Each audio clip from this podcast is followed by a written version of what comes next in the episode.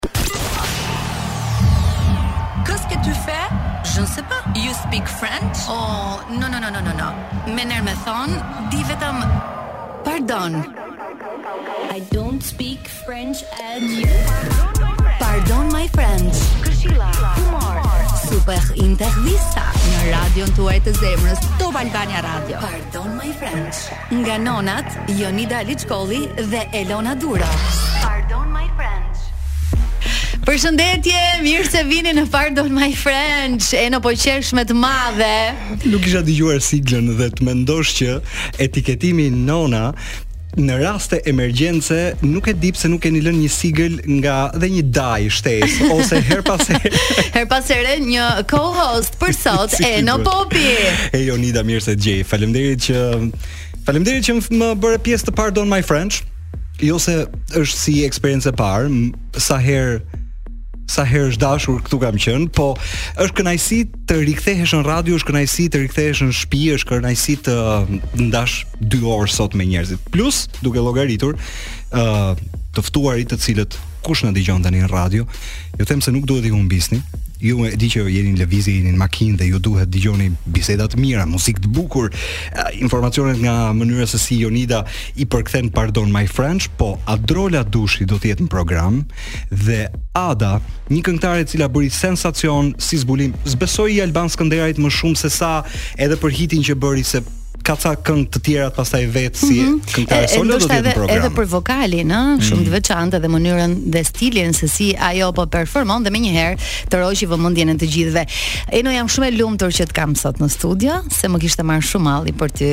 Edhe përveç kësaj, është uh, shumë fat që në këtë puntatë të parë të këtij sezoni ne do ndajmë studion së bashku, ashtu siç kemi ndarë miqësinë këto 22 vite. Meqenë Elona, ç'pati. Elona është uh, pak pa qejf. Dhe ti e di shumë mirë sa dëshirë ka ajo që të udhëtojë pas here, kështu që në puntatën e parë Elona vendosi që të mos ishte pranë mm. meje dhe vendosi që t'ia besojë më së miri këtë studio. E po, kolegut të saj. Kur e paske një një nonë pa qejf, keni parasysh se vetëm ta di, a do jetë edhe javën tjetër pa qejf apo Shpresoj që jo. Shpresoj të jetë në program, se po flas me tekst francez, se jemi në Pardon My French. Okej. Okay.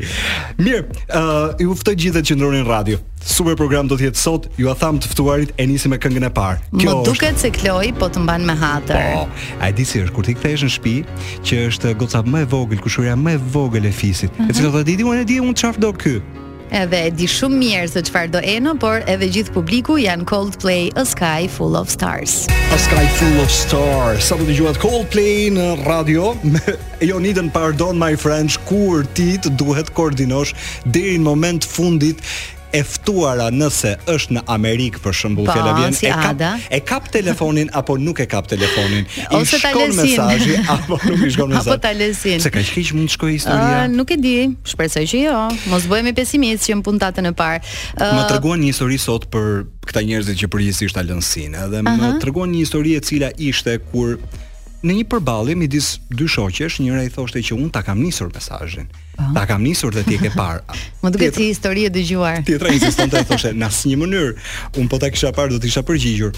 Dhe po më tregonin që në një ballafaqim i cili ishte gati 20 minuta jep e merr pa sens vendosin të hapin telefonat dhe të vërtetojnë, mund ta kishin vërtetuar në sekondin 1 këtë punë mm -hmm. pra të hap telefonin dhe thua ma ke lënë seen, ma ke lënë seen. Dhe natyrisht që njëra kishte të drejtë prej të dyjave. Ajo që e kishte shkruar. dhe përgjigja e kësaj që e kishte lënë seen kishte qenë Po mirë, kur e pe që unë nuk të ktheva përgjigje. Pse s'më s'më more në telefon. Kam qesh me këtë histori thashë po dhe okay. Se mundet njeriu në një mënyrë apo një tjetër të tribloj në arsyetim, po kjo m'u duk shumë qesharake. Tani, unë shpresoj që mos jemi në këtë pikë që ajo ta lë seen jo. dhe na thotë pse s'më more në telefon. Kështu që ne do t'i hyjmë në të gjitha anët. Ne do ta marrim dhe telefon. Në të gjitha dimensionet. E ju e dini që në këtë program ndahen rolet, ndahen situatat, ndahen edhe informacionet që kanë tërhequr vëmendjen e të gjithëve sa i përket javës që ne lamë pas apo histori, mund të kenë lidhje edhe me me verën, ëh, se ne erdhëm në sezonin e ri, na kanë shpëtuar pa i komentuar historitë e gushtit, kështu që ëm um, do ta nisim me një lajm i cili në fakt ka qarkulluar këto ditët e fundit edhe ka të bëjë pikërisht me censin e popullsisë. Më bëri shumë përshtypje fakti që ne do marrim gjoba nëse refuzojmë të përgjigjemi, por pyetjet në fakt Eno do të ishin për ekonominë, gjuhën, fenë dhe etninë. Tani, kush do bëj policin e mirë, kush do bëj policin e keq ta ndajmë? Si të duash ti. Unë do të vi, do të mbaj ison. në të cilin në në cilin rol të duash ti. Megjithatë, a quhet polici keq kur ti tenton të argumentosh apo jo? Uh, si, jo, si, si, jo. si mund të ta përkthejë dikush kur ti tenton të argumentosh mbi të vërtetën, mbi faktin se është thjesht është thjesht një një rubrikë, domethënë, domethënë, dhe që në këtë rubrikë ne mund të flasim hapur të dy, pra të dy mund të jemi të mirë dhe të dy mund të bëhemi të keq. Pra ti thua që nuk mund ta shkelim gjuhën në këtë pikë. Ë, uh, nëse merr ato fiqet që ke aty, mund t'i japësh. Censi është diçka që periodikisht ndodh nga institutet e statistikave apo uh, regjistruesit e popullsisë në botë. Unë besoj që është gjëja më e mirë kur do të kuptosh si në shtëpi se çfarë çfarë ke vërdallë shtëpisë. Është inventari i një shteti raport me jo vetëm popullatën, por që është gjëja primare për të kuptuar sa banorë ka brenda territorit në momentin e regjistrimit, por edhe për specifika të ndryshme deri tek besimi. Ama sot u interesova për kuriozitet personal me njerëz që merren me të dhëna dhe statistika. Mm -hmm. Dhe njëra që më tregonte brenda Instatit, kishte bërë një arsyetim ku thoshte kjo puna e gjobitjes, që natyrisht si metodikë nuk e di a është vetëm shqiptare apo jo, por unë nuk e di që detyri, domethënë deklarimi apo regjistrimi në vende demokratike është vullnetar, jo jo i detyrueshëm në ca gjëra. Është bërë vetëm për të afruar dhe për të shkuar shumë në limite tek numri i saktë i popullsisë, sepse nëse do ishte lënë në mënyrë vullnetare, nuk do të ishte kuptuar tamam tamam se sa jemi ne brenda Shqipërisë. Pra qenka në një aspekt pozitiv për shqiptarët. Ne nuk mund të flasim më me hamendje pas kësaj, mm, jemi 3 milion shqiptarë apo jemi 2 milion shqiptarë? Frika se mundet që anketuesit të përballnin refuzime të vazhdueshme për të pra mos hapje dere në një shtëpi se do shkojnë deri në derë. Po mirë, kam një pyetje. Ja ta mbaroj argumentin. Mos hapje dere apo refuzim hapur për të për të bërë deklarimin dhe regjistrimin, rrjedhimisht do të kishte humbje apo kjo firoja futja e gjobës si element mm -hmm. i detyron njerëzit mos ta shmangin si proces dhe tish pra statistikat i përafrohen numrit shumë real të procesit sa do gjejnë aty ku mua më ngec ku të ngec Gozhda. Është te këta njerëzit që do na vijnë në shtëpi dhe të po. na pyesin. Pra unë jam njeriu që nuk dua të fus askënd brenda shtëpisë time. Jo, nuk do fusësh njeri.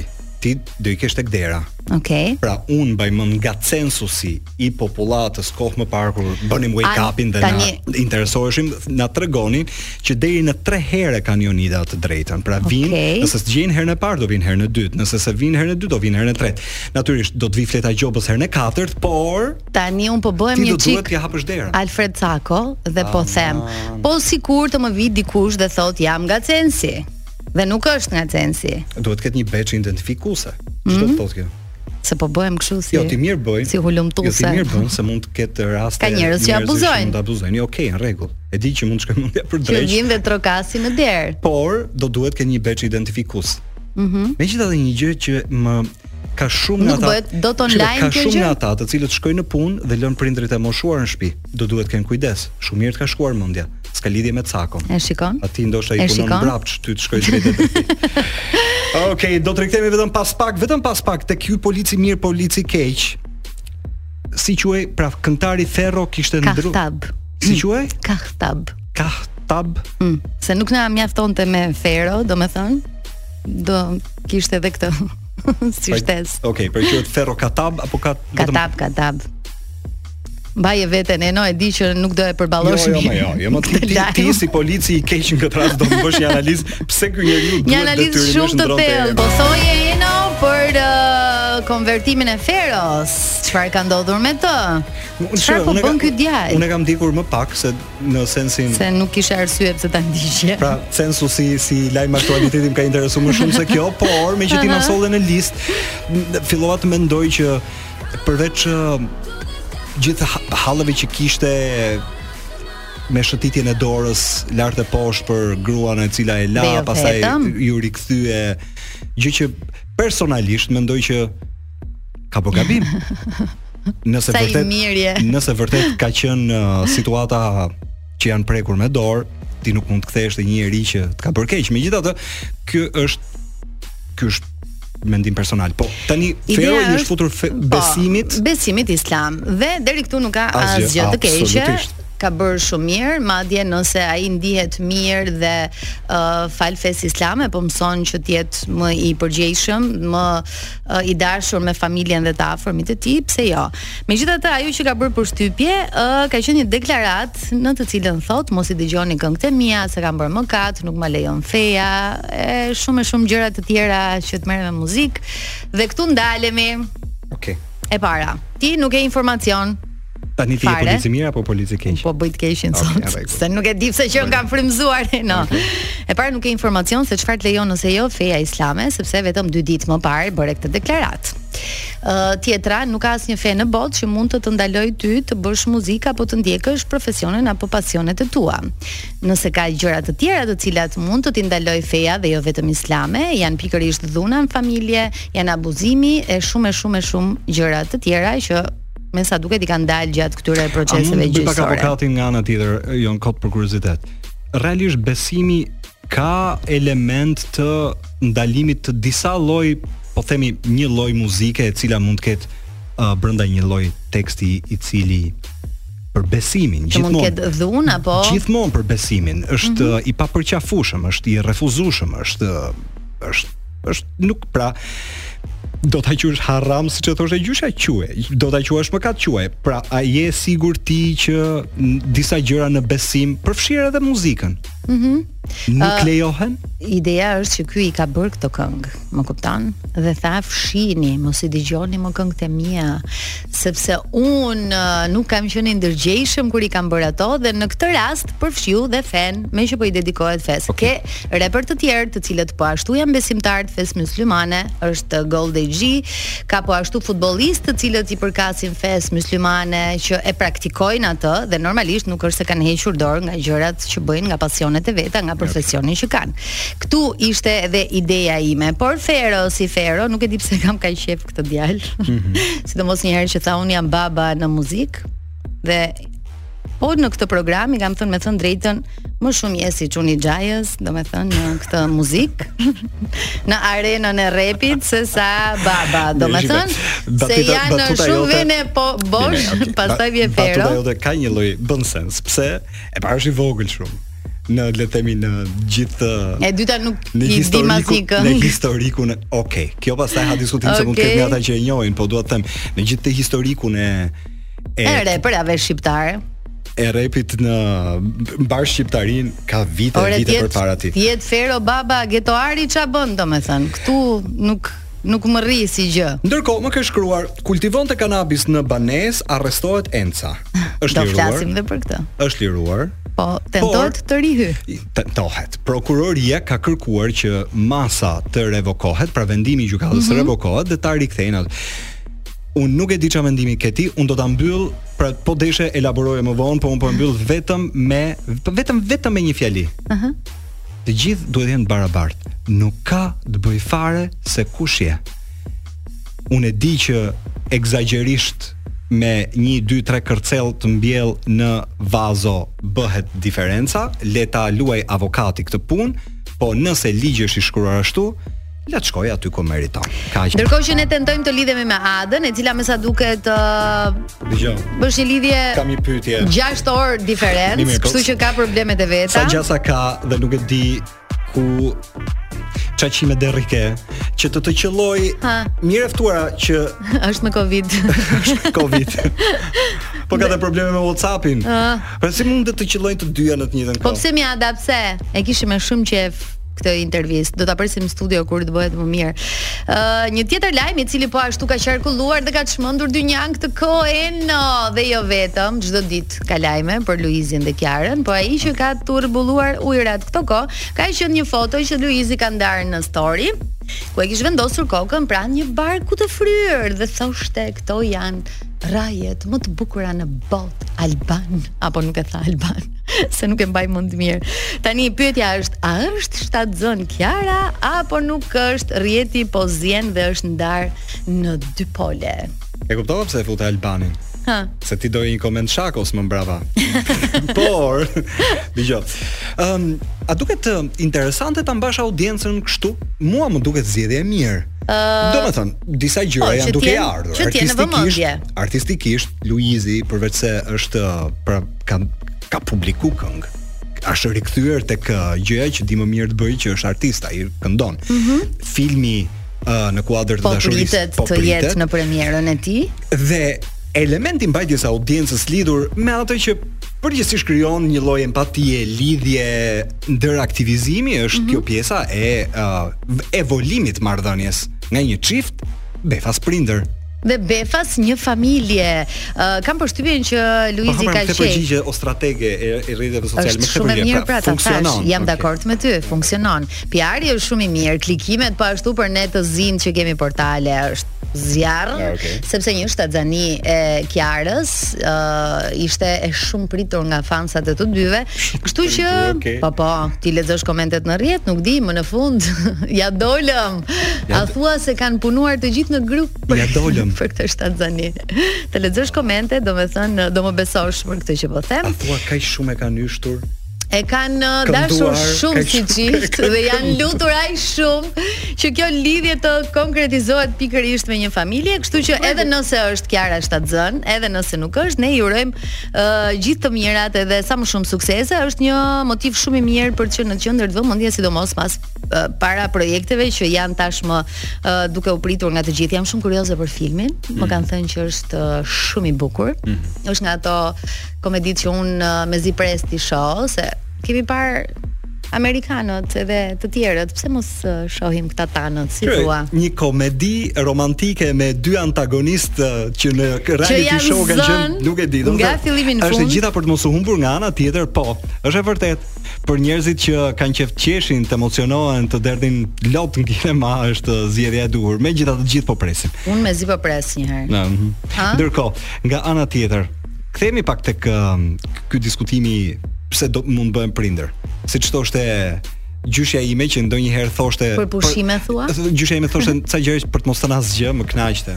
Nëse fëmijët vijnë, do të thonë janë është është e thënë për të ardhur, le të vinë, sidomos pastaj kur vjen si frut i një dashurie siç ata të dy e kanë treguar.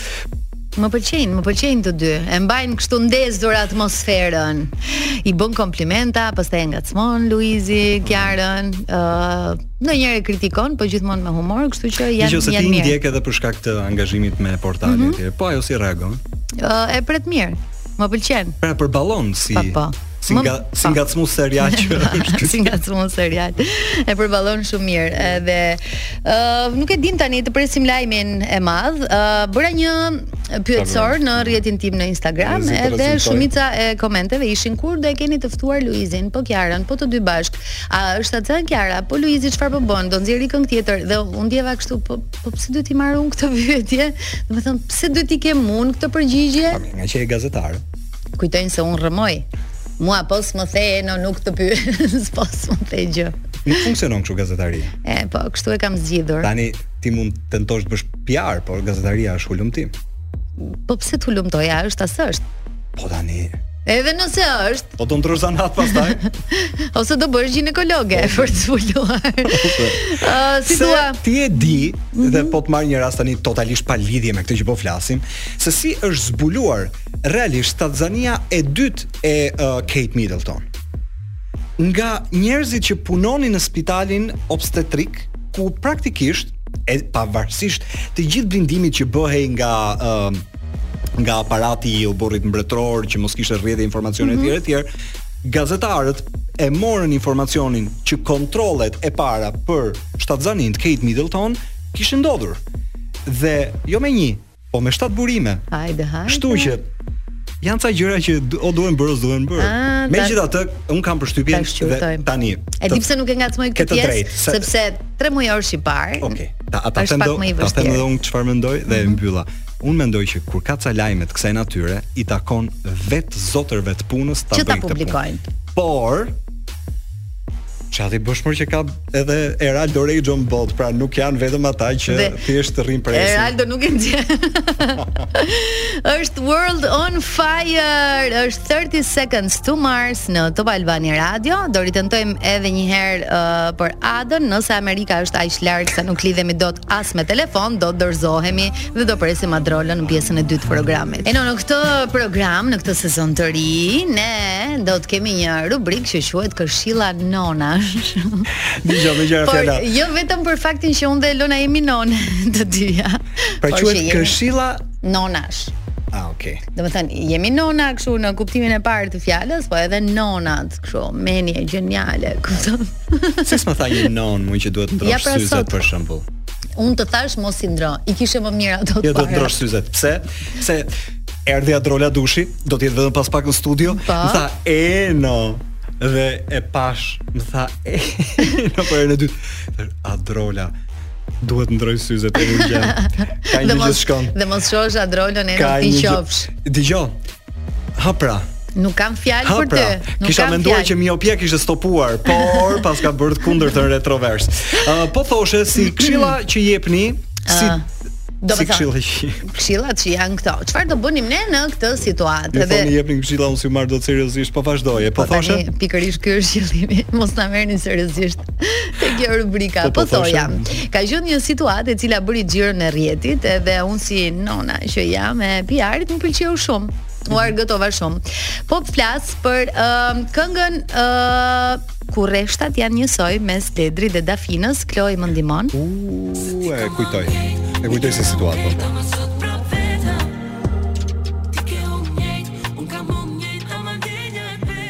Mm. Po Ledrin ku e kemi? Në shikon A është njësoj? A thua kime nejtë Apo kime nejtë dhe di kanë tjetë Shikon, unë nuk jam një specialist muzike se dhe veshderr jam nga natyra po Flas për muzik po Teksti, po, po pra, është njësoj Përtej rimës që pra, mund ta asociosh pak njësoj mua më duken sikur pak edhe vija melodike në të dyja e, ka një lloj ngjashmërie. Po, meqë e paska nxjerrë një dorë. Tani, te kjo historia. Hmm. E gjithë gjurulldia u bë nga një koment i Ledrit, ë uh, ku Dafina pyeste në Instagram, cila është pjesa që ju pëlqen më shumë nga kënga dhe Ledri shkruan, t'i kam dhon krejt, m'i ke dhon krejt, ama më le vetë. Okej. Okay. Sepse i gjithë uh, le ta quajmë uh, rrjeti i të rinjve TikTokun, po. edhe pse janë futur shumë ja, ja. në uh, mosh. TikToku është çfarë do lloj moshe, pra moshe. Pra, pa dallim moshe. Ë uh, fansat e të dyve po bënin uh -huh. këtë miksimin, të dyja këngët dhe jepnin pjesë te Ledri dhe po bënin një aludim alla ta përmend një herë Alfred Cako. Alla një historie të së munduar dhe Ledri me shumë humor i komenton për të shtuar ende uh, këtë pjesën e shakasë që Me sa dukej, ai po e merrte kështu, Dafina e merr shumë seriozisht, ë u bë shumë e madhe si gjë, hoqi Sarën nga rrjetet sociale, më the të thash dhe sot jemi në pikën që nuk ndiqet asnjëri nëpër rrjetet sociale flas. Tani, te këshillat e nonave që do jepni. Po pra se s'po kuptoj, pra ti ju dilni në një po, këshillë për kë? Për treshen. Për Dafinën. A për Dafinën. E kam un sot. Ti po ke ndonjë Dafinë tjetër për t'i dhënë këshilla? Po, Mund ta japësh. Un kam. E kam dhe unë një këshillë. Po jo, po nuk e kam me me personazhin, unë e kam uh, okay. me fenomenin se fenomeni po. fenomeni dhe situata është uh, pastaj kalon në kufijtë e qesharakes. Po po thoshe? Po thoja, nëse unë do isha Dafina Zeqiri, Jo vetëm që nuk do uh, merresha me heqje dhe vendosje nëpër Instagramra, por do t'i komentoja Ledrit te ai komenti që personalisht më pëlqeu okay. shumë, do t'i shkruaja ha ha ha, ngatërruam gjithë uh, rrjetin me dy rreshta dhe ia dolëm që të dyja këngët të jenë on top. Pra, dhe të kenë shumë vëmendje. Ti mendon që ka qenë një strategji PR-i e gjitha? Uh, unë do ta merrja kështu, Dafina me sa duket jo. Çfarë? Në një kohë TikToku ose TikTokesh, sa gjërat s'duhen marrë kaq seriozisht, pavarësisht. Jam shumë dakord me ty. Pavarësisht faktit që njerëzit në fund thon o oh, ç'u kënaqëm. Dëgjoni tani Rock Your Body, nëse ju kishte marrë pak malli për Justin Timberlake. Është e pamundur, është e pamundur të mos qeshësh kur vjen një yll në studio. Dëgjoj ndonjëherë Ca gjëra janë rregulluar në botë, siç është për shembull radio me kamera, që ju Top Albania Radion e shihni on podcast dhe disa gjëra të cilat ndodhin në studio kur shkoni i shihni në YouTube, Shihni sa e bukur është Adrola Dushi. e po sa spontanie, ja s'u na fat fare. Po, po je shumë e bukur mi. Afrohu okay. pak tek uh, mikrofoni. Okej. Okay. sepse e kemi shumë të rëndësishëm. Po, kam ku e shoh vetën apo fare. Nesër, ne në YouTube. Mirë se vjen një herë në Pardon My French. Mirë se erdhe Adrola. Uh, më kanë thënë që je ogur shumë i mirë që gjërat të shkojnë mbarë dhe jam shumë e sigurt për këtë. Ti je e ftuara e parë e këtij sezoni në program. Faleminderit që erdhe, se e dim që ke udhëtuar pak derisa të vije në studio. Atje do vija. Seriozisht në një kohë kur njerëzit gjejnë gjithmonë më pak kohë Faleminderit që erdhe. Ta mendoni sa herë herët erdha. Po, po, po, jam shumë krenare po, po. për veten. Tani ka njerëz që ndonjëherë të vënë në situata për shembull dikush ta lësin, dikush vjen më herët. Por, si do ta se ti drejton projektin, si do ta uh, zgjidhim me këngëtaren Ada, e cila është përgjigjur. U përgjigj uh, më në fund, por ne kemi Adrolën tashmë, do nisim bisedën okay, me të dhe pastaj pastaj të shohim nëse Adrola do na lejojë që ta bëjmë këtë ndërhyrje. Po jam e mirë, moj ti e di, kështu që ti je dritë moj.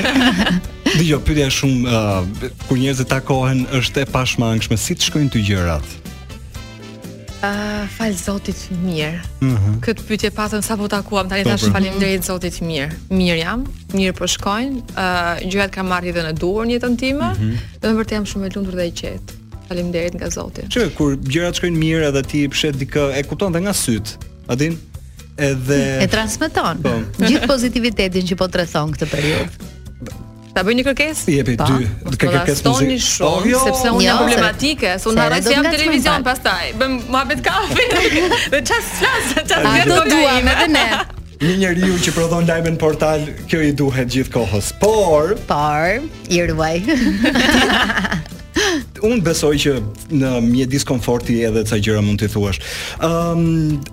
Ti kur thua mirë, thua mirë në gjitha sferat apo ne pra nënkuptojmë. E nisim atë profesionale. Po pra profesionalisht modelingun, karriera jote që është midis midis këtu dhe Shteteve të Bashkuara të Amerikës ti ke rrugën tënde si momentalisht jam në një luftë të madhe me menaxherin tim në Amerikë i cili mesazhet e tij janë ah moj Adrola ah moj Adrola që s'na jep sa solle kokën në Amerikë jam mirë me karrierën ë uh, por gjëja që them për cilën jam mirë është uh, fakti që kam mësuar uh, t'i ndaj gjërat, të ndaj dhe punë, të di cila punë vlen për mua, cila punë nuk vlen për, vlen për mua, cilët njerëz vlejnë afër meje, cilët njerëz nuk vlejnë afër meje. Dhe kjo është arsye që jam shumë mirë, sepse kam mësuar shumë ta dua veten. Jo ta dua veten që të lyhem bukur edhe të vesh këpucë të bukura, po ta dua veten trupin tim qenien time, një, njeri jonë. A, a mund të follow up, po, ti po thua që ke një menaxher që të kërkon, edhe, jo, eventualisht... Pra, dhe ti refuzon punë. Jo, ka një arsye. Domethënë... Pra uh, diku gjysma e gotës është plot e diku bosh sepse bosh ti... për menaxherin këtë rast. Pra bosh për menaxherin po kam shumë të mirë. Ti zemrën e ke plotësuar me diku tjetër, po për çfarë arsye ti sakrifikon për punën atëherë? Ëh, uh, jeta ime nuk kanë Kur ika nga Shqipëria për ca vite s'e kam idenë që do kthehesha më në Shqipëri. Do kthehesha patjetër, po jo për punë apo ku mhm. dinë kisha shumicën e kohës këtej, por nuk u ndava kurrë nga Shqipëria, them të drejtën. Edhe Është i ëmbël ky vend, s'ke faj. Është i ëmbël, jo për të jetuar non stop sigurisht duhet një shkëputje herë pas here patjetër por që nuk jam shkëputur kurrë nga Shqipëria kam shumë njerëz që dua këtu kam shumë njerëz që nuk rri dot larg kam edhe shumë punë realisht që më duan, uh, imazhet e mia që bëj kontrata janë kontrata një vjeçare, dy vjeçare, mm. gjashtë muaj, të cilat më duan patjetër për të bërë uh, reklamat e reja, fotot e reja, gjërat e reja, duhet të jem patjetër këtu. Por Uh, menaxheri im, ka të menaxheri, s'po pëlqen shumë pyetja. Vendos që ti herë pas here të shkosh dhe atje. Shkoj atje sigurisht, por thjesht tani është koha më pikante në New York, them drejtën se është New York Fashion Week gjitha me radhë, dhe unë tipi po mungoj dhe ai thjesht më vjen një mesazh po kur do të sillesh kokën, po kur do vish, o Adrola. Cilat janë kompanitë që po të presin Adrol? Ë, uh, them drejtën, ë, uh, ma lexova më ndonjë gjë. Për, për momentin, ë, uh, janë Fashion Week. Është mm -hmm. Fashion Week për veshjet, e veshjet e ditës dhe fashion week që bëhet në tetor për fustanet e nuserisë. Mm -hmm. Këto janë dy gjëra që janë momentalisht që bëhet nami në New York. Pastaj janë kompani të tjera që un kam punuar prej vitesh me ta, uh, photoshooting, video, flokët, make-upi. Mm -hmm. Praktikisht kur e mendoj jam shumë krenare për veten, nuk e di, një goc që shkova në New York nga hiçi. Pa njohur askënd realisht, kisha familjen time, po ata s'kishin lidhje me punën time. Dhe ia dola shumë mirë, kam punë që janë punë me emër, make-upet, veshjet. Nuk e di, kam marrëdhënie shumë të mirë me ta. Adrola, unë të njoh ty në dy kohë. Okay. Mm -hmm. Në dy kohë të tipit kur gocat ishin edhe më të pakta, edhe gjërat estetike në ndërhyrje nuk nuk ishin kaq të bërtitura, domethënë ishin Pra në thjesht ishte në, kujdes. Po, po, në, në, në, në po. modeling po. kam përshtypjen që shkohej më shumë dhe flas për ë uh, për modelingun elitar, shkohej drejt uh, drejt uh, modeleve që ishin gati unike, kishin një portret të pangatërrueshëm. Tani dhe gjërat kanë ndryshuar. Shumë kanë ndryshuar. Ti thua që të kërkojnë për ca arsye ti edhe je dhe si je, Ndërkohë unë nuk e di si funksionon me vajzat, sidomos në modeling, ku besoj do duhet të jetë garë shumë e ashpër për protagonizëm etj etj, se dikush ta zën vendin. Nuk e ke këtë frikë ti? Shiko, un pak para se të vija këtu isha me mikeshën time dhe këtë po i thoja, un jam thjesht një njeri shumë i llastuar nga fati. Jam me të vërtetë shumë e llastuar, nuk e di, domethënë në momentin që unë shkoj, punoj, kur kthehem, më, më, më kërkon vazhdimisht Geri, që duhet të jesh këtu, por i them ja se kam një problem shumë serioz duhet të rri në Shqipëri patjetër, dhe ai më jep kohë, më kupton fatmirësisht. Dhe kur kthehem është puna aty duke më pritur. Jo duke pritur, po është puna tjetër. Shiko New Yorku është shumë i madh, no. E kupton. Ke mundësi. Aty ka punë pa fund realisht. Unë tek kjo pjesa do doja të ndalesha pak Adrol, ti the që uh, jam krenare për veten dhe më pëlqeu shumë kjo që the, sepse ia dola të të çaja në një terren që faktikisht është i mm. vështirë dhe i shtruar nga të tjerë. Ëm um, dua të di fillimet e tua të para. Ti ke dhënë shumë intervista, por në fakt është dikush që ndoshta uh, të jep dorën e fillimit, edhe pse ti po thua që je shumë e përkëdhelur nga fati dhe paske patur njerëzit e duhur. Uh, si ishte, si nisi më saktë karriera jote në Shtetet e Bashkuara. Shiko, për të qenë sinqert, ë uh, karriera fillimi i fare ka qenë nga Misi. Shkova mm -hmm. për herë të parë për Misin në Las Vegas. Më pas tentova në Connecticut, aty ku jeton familja ime, po nuk funksionoi sepse nuk ndejta atje u ktheva mm -hmm. sërish në Shqipëri. Kur jeta ime mori rrjedhë tjetër, unë vendosa të jetoja në New York, a uh, fal jam pafundësisht mirënjohëse ndaj Xhesika Berberi ka qenë atë kohë atje mm -hmm. në mhm. New York që jetonte, unë në atë kohë jetoja me të. Dhe ka qenë një farë udhërrëfyese imja, domethënë më ka ndihmuar të shkoj tek agjencia, më ka ndihmuar të shkoj tek kompania që do punoja, shkonim në fillim bashkë nëpër casting. Ë, uh, mendoj se ka qenë një ndihmë shumë e madhe realisht në fillimet e mia. Pastaj Rruga u shtrua vetë. U shtrua, shkoi shumë mirë, kishte momente shumë të vështira patjetër, e kam thënë dhe më herët, kishte momente kur nuk kapja asnjë punë. Në fillim kapa shumë, kapa shumë fashion weeks se ishte shtatori mm -hmm. kur mhm. unë shkova, më pas nuk po, nuk po punoja më dhe thashë ok, po ça ndodhi me mua. Dhe kur kuptova si funksionon, atje nuk okay. duan gocën e bukur, atje duan hundën e bukur, atje duan vetullën e bukur, atje duan fijen e flokut të bukur, atje duan gishtat. E kupton, nuk ka të bëjë ajo pamja totale perfekte Perfekte. e një femre, po thjesht duan Atë gjënë që ata kanë në kokën e vet, një vetull të tillë, një hundë të tillë, një buzë të tillë. Po a duan?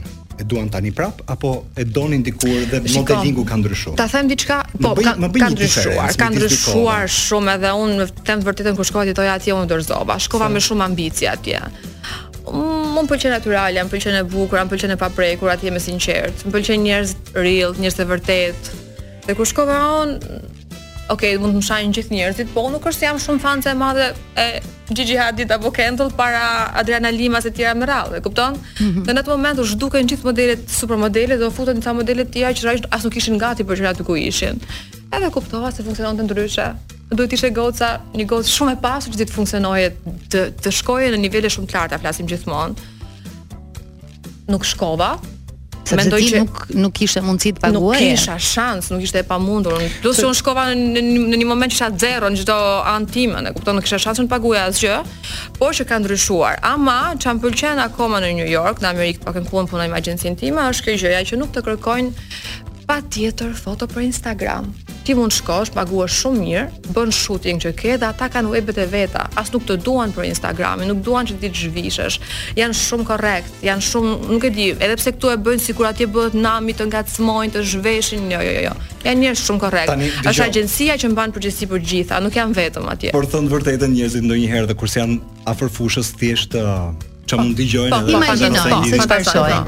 Ë do shkëputemi për shumë pak minuta dhe rikthehemi sërish me Adrola Dushin, kemi shumë për të folur po, sot. Po, po, po të bëjmë të mira në fillim. Edhe un po ju shoh ama. Kaq ishte, kaq ishte vetëm hapja.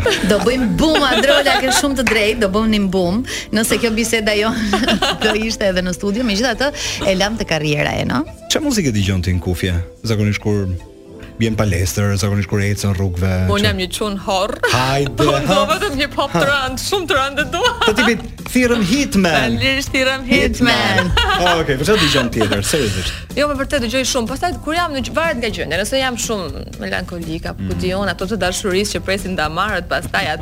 shkrijem fare. Aty, edhe një gotë verë, edhe i vajtoj me, me këto, edhe i këndoj me të qarë. me këto këngët është e çuditshme që dhe, dhe kur je mirë shpirtërisht, do do t'i dëgjosh. Edhe kur thua, mërzitem pak ta dëgjoj se do ta shijoj këtë këngën e dhimbshme. Dhe thua po un jam shumë mirë. Okay. Si dëgjoj këto. Pra ti je shumë mirë dhe I dëgjon këto. Po i dëgjojmë se na duhen ndonjëherë për të të ah, kujtuar sa mirë jemi. Për gjërat. Për të kujtuar sa mirë jemi. Ama kur zgjedh te playlista jote, pra po të futem tek uh, Apple Music që ti ke. ka këngë veriu. Hajde se s'po hap çantën. Po që ka këngë. Të Shqipërisë së Mesme. Këtë nuk e di. Pra që mund të ketë Çun Mulën e besoj. Okej. Okay. Pra ca këngë mirë. Por uh, jam i bindur që ti i ke zgjedh uh, artistët që do. Po patjetër. Për shembull, nëse unë shkruaj tek uh, gërma C. Del. Me ta, ka që një pak një të Kuli jo Ma një një të O, së më gjenë të Oke, do shqiptar apo të huaj Tek gërma C del Capital T. Po. Po po pyeta do shqiptar apo të huaj Capital T. Okej, okay, se unë un, i thashë Trim edhe po mendoja prisja të tën. po ti ke drejt. Ti do të tra okay. ti do të thashë Trim. Do të ishte edhe të. Mm -hmm. uh, pra ti dhe Trimi keni marrëdhënie një, një shumë të mirë bashkë. Po.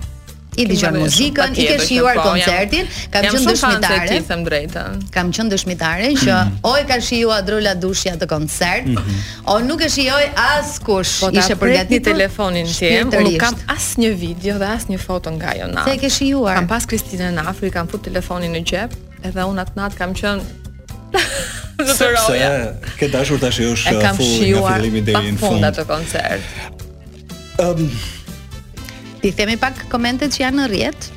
Ha, mo, që komentet Për këtë koncert, për këtë marrëdhënie Pra, uh, fansat po, Kanë shumë dëshirë t'ju shojnë ju të dyve bashk mm -hmm. Pra, të gjitha komentet në rrjet Në çdo video që qarkullon Janë këta njerëzit që bashkojnë videot e tuat Ose kur jeni në koncert Po shumë bukur Për shumë bukur Domethënë vetë besimi sot o zoti më më ju jeni ju jeni super yje, jo vetëm të bukur uh, dhe komentet janë që duam t'i shohim bashk. Uh, nga Adrola, çfarë kemi? Po për këto komente e kam fjalën, e po kupton? O Jonida, po, shko moj drejt, është goc trime, ca gjëra i tha.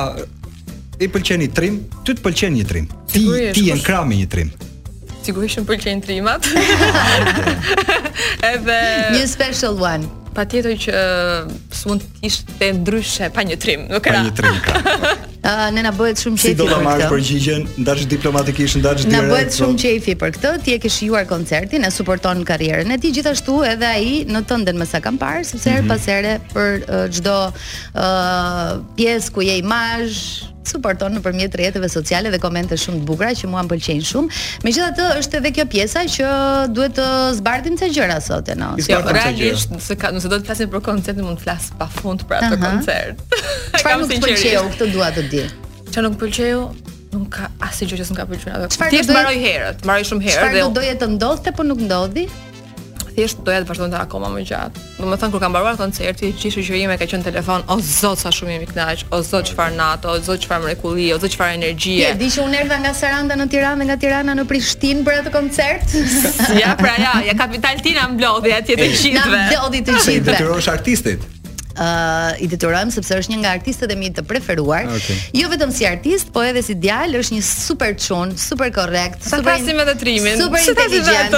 Tani unë unë jemi që jemi. E kishim thirr dhe këtu ne mund të kishim ngrënë llokume, por e lëmë mënjanë atë punë. Të kush? Për kë?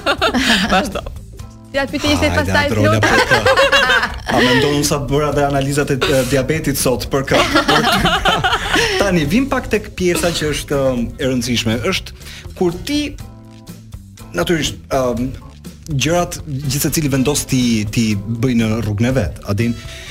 A mendon që Në këtë pikë për shembull të jetës tënde, nëse do kishe bërë publike një lidhje, do kishe qenë momenti i duhur apo ti do doje një kohë më të rehatshme për veten? Për të qenë e sinqertë, siç kanë ardhur koha, siç ka ardhur koha, siç kanë ardhur gjërat, nuk më pëlqen fare të kem asgjë më publike.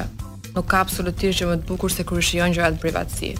Domethënë unë çfarë shikoj në rrjetet sociale dhe tmerrohem, thjesht pse unë edhe ne njihemi gjithë së bashku. Mm -hmm. Nuk ka, domethënë e dimë shumë mirë si po shkojnë gjërat dhe kur shoh Disa tmerre, thjesht nuk duroj dot dhe nuk dua të futem te ajo gjëja, sepse marrëdhënia është gjë shumë e shenjtë. Mm. Nuk dua ta shes, nuk dua ta ta shes të fitoj nga ajo gjëja ime. E kupton?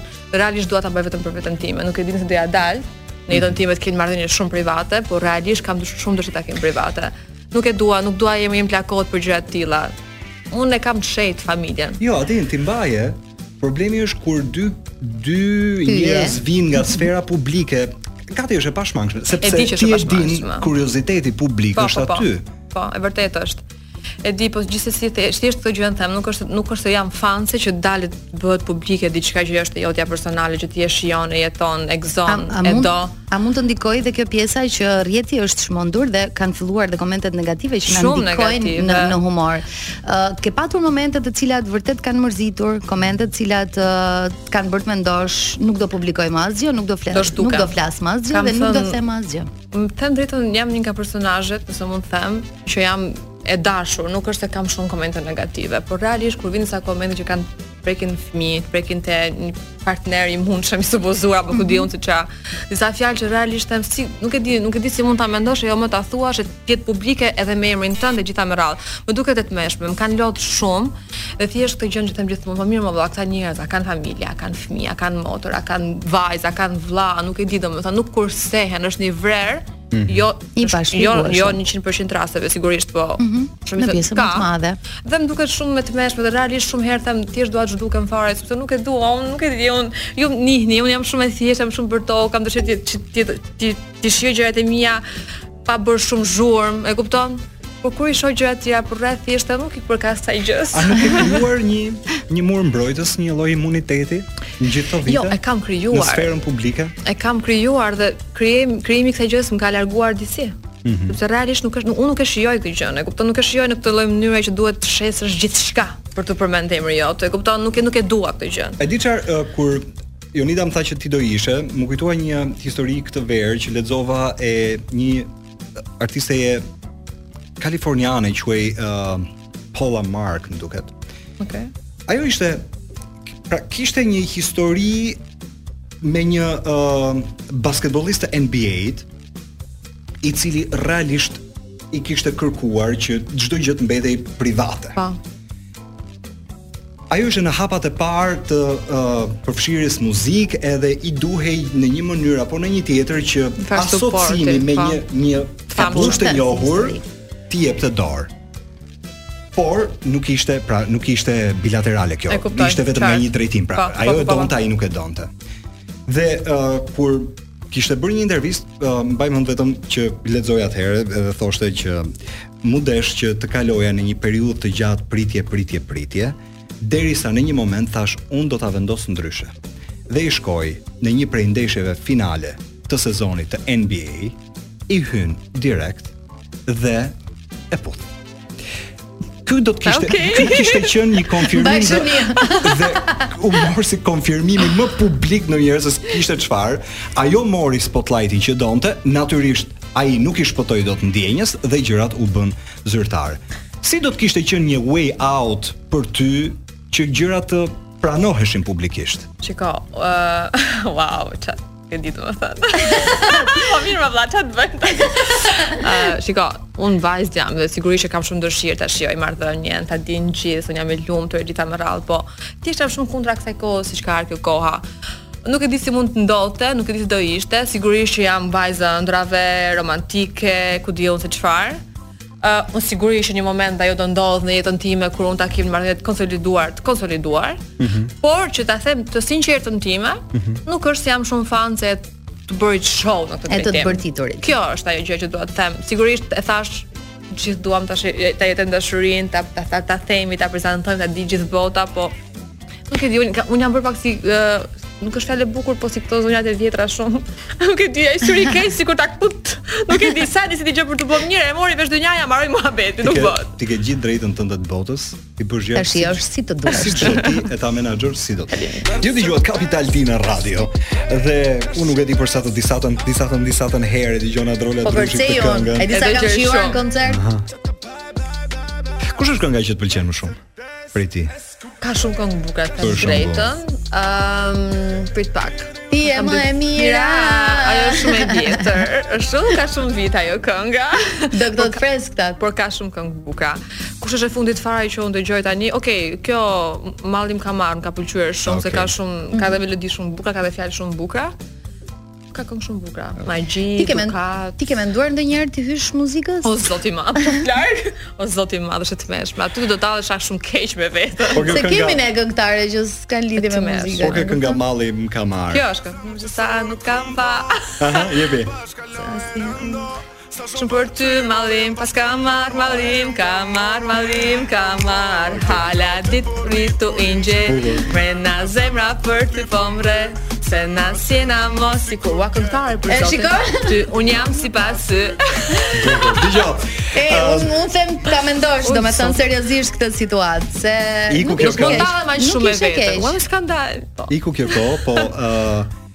Le ta ribëjë edhe një herë këngën Mos ma luj lojë.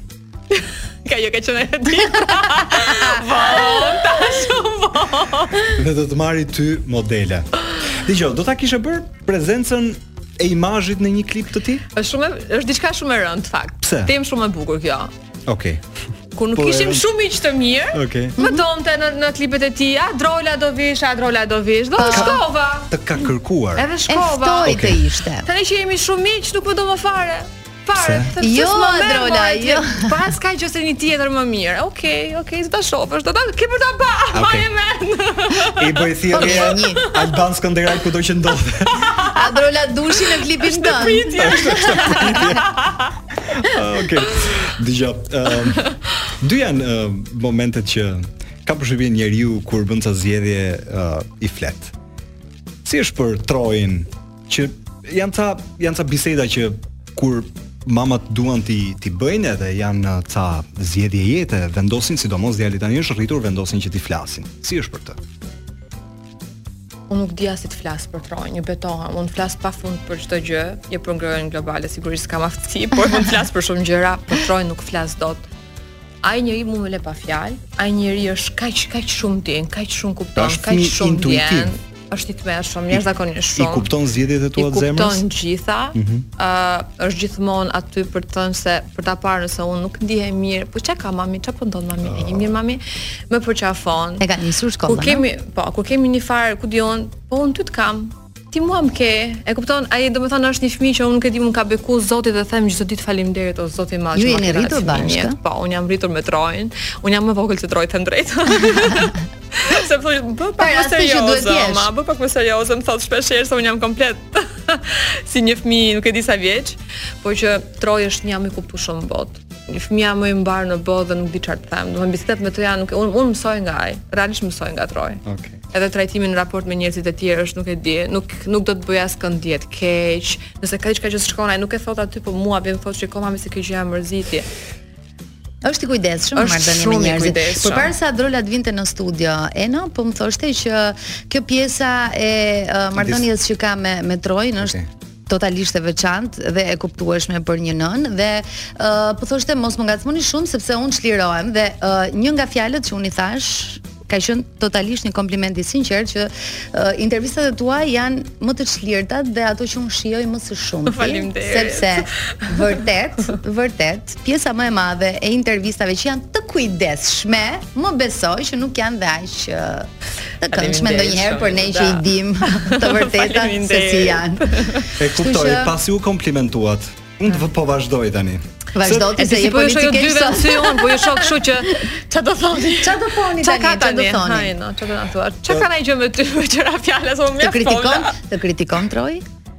Po, më kritikon. Ai më kritikon shumë se jam natyrë shumë e hedhur, jam shofere shumë e shpejt, uh, jam domethënë një, domethënë vërtet sillem si fëmijë, edhe ai gjithmonë është që më kap Po ndalo, mami ndalo, tani ndalo se ka njerëz, të po na shohin gjithë ne, ndalo. më kritikon për këtë gjë vetëm. Ai është në New York me po, me prindet tu. Po, Okej. Ama ti bën vajtje-ardhje vazhdimisht. Tani shumë shpejt do ikim. Ka një ka një moment që ti fillon dhe bën ca llogari thua një sekond tani. Se djali rritet, largësia s'mund të jetë gjysmë këtej gjysmë andej. Nuk e di, nuk është mirë të tregoj këtë gjë. Pse? As unë do të tregoj, po thjesht po hap për ta parë vetë. Dëgjo mos filloj un ça po tregoja se Jo, po jemi të dy në të njëjtën valë. Unë s'jam as njeriu që duhet të flas për këtë gjë fare, po. Para disa 2-3 javësh mm -hmm. ndodhi diçka që unë realisht jo që u mërzita, po nuk di, nuk kam qenë ënjt në fytyrë dhe vetëm qaja dhe ishte gjëja që mua po më kalojnë vitet. Aty të çoj një mesazh. Dhe unë nuk jam shumë, domethënë, jo, është diçka që nuk dua ta nxjerr sepse është jam unë duke qarë, por unë isha shpërfytyruar komplet si njeri dhe m'u kan dash 3 ditë që unë të vij në vete dhe qaja po më zihej edhe fryma. Dhe thoja, shiko, po më ikën gjithë koha, ai u bë tani bën 10 vjeç, edhe sa edhe 5-6 vjet, pastaj do jetë me shokët e vet, s'do ketë më kohë për mua, s'do ketë më kohë për pushimet me të, për gjumin me të, për përqafimet e tij, si siç i kam tani, realisht e vuaj shumë. Ama, ok, faleminderit shumë për pyetjen, por këtë përgjigje e kam për ata që janë shqetësuar për mua dhe djalin tim. Mm -hmm. Un kam një djalë jashtëzakonisht shumë të lumtur, mm -hmm. një djalë jashtëzakonisht shumë të edukuar, mm -hmm. një djalë jashtëzakonisht që nuk kërkon më shumë se sa un mund t'i ofroj. Ai ka, domethënë, është shumë mirënjohës për gjërat që ndodhin në jetën e vet. Dhe uh, gjithçka që po ndodh në jetën time dhe djalit tim është diçka që po ndodh për gjëra të mira, për të ardhmen tonë të mirë. Nuk po ndodh okay. që un kam dëshirë të eksperimentoj, të bëj aventura me jetën time, të bëj qef nëpër klabe, të ulëras nëpër botë, nuk ka lidhje me këtë gjë për gjithë ata që janë shqetësuar, nuk e di ku është kamera. Thjesht është një marrëdhënie e imja dhe djalit tim, por edhe marrëdhëniet e mia personale lidhen prapë me djalin tim, kështu që është diçka që shpresoj që të shkojë shumë mirë për mua dhe për Trojin, e kupton? Nuk është se un as nuk kam plan kurrë ta lë tim bir, kurr kurr kurr në jetë. Do nuk heq nuk heq kurrsesi dorë nga ai edhe kjo gjë më lëndon shumë se e vuaj ekstrem shumë veç se jam non stop. Jam shumë afër atij, jemi shumë shumë shumë bashkë rrim, shumë gjëra bëjmë bashkë, nga mm. lëvizim, nga ku shëtisim, Por sigurisht unë jam nëna e tij dhe duhet të jem më pranë atij. Duhet të jem mbase çdo ditë, jo mbase po sigurisht çdo ditë. E vuaj ekstrem shumë, po nuk është diçka që un po bëj për të lënë djalin tim. Ka një Po e bën për të ardhmen. Okay. Për të ardhmen që ne të jemi të dy. Pa edhe të kemi dhe njerëz që na duan të dy ve. Nuk e kaj shumë sot, po ta them. Më the që jam e çiltër dhe flas aq ju, po po prisja që të qeshja, jo jo të rrija kështu Pa tekst domethënë. Jo, realisht më vjen shumë keq sepse unë e di shumë mirë se gjykohem dhe nga njerëz të mi më të afërt. Ë unë nuk unë kush më njeh e din shumë mirë se si e kam jetën time si mundohem të jetoj. Unë nuk jam një goc që marr malet. Zgjidhjet janë shumë personale. Pa e rëndësishme është që në fund kur ti bën ca llogari të dalin ashtu siç ti don, a din? Po, po, po, po. Thon kjo e mbyllim këtë argument. Dgjoj.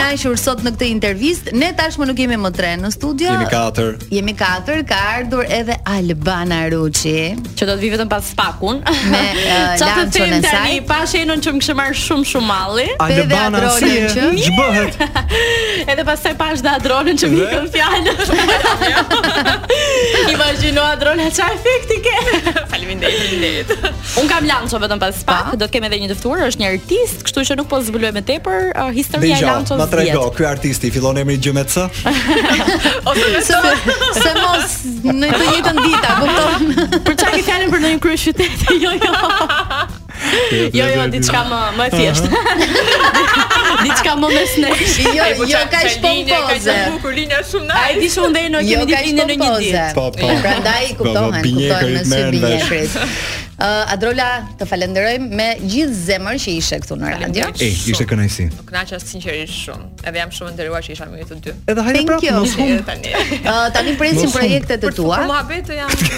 Tani presim projektet e tua po, po, po. në karrierë, të cilat sigurisht nëse ti do kesh dëshirë mund t'i promovosh në program sa herë të duash dhe të urojmë shumë suksese në gjithçka që ti bën. Faleminderit shumë edhe. për ju. Okej, okay, me Jonidën kemi ardhur në fund. Albana shumë suksese me Lanço. Faleminderit shumë edhe ju. Jonida, bëj një check-in me Elonën për javën tjetër. Ëh, uh -huh, dhe, dhe më kundër. Më njofto përpara se këtu jemi. Do të njoftoj. Është e fundit nga ATC Around the World në Top Albania Radio. Mirudëgjofshim, të mërkurën tjetër. Ciao.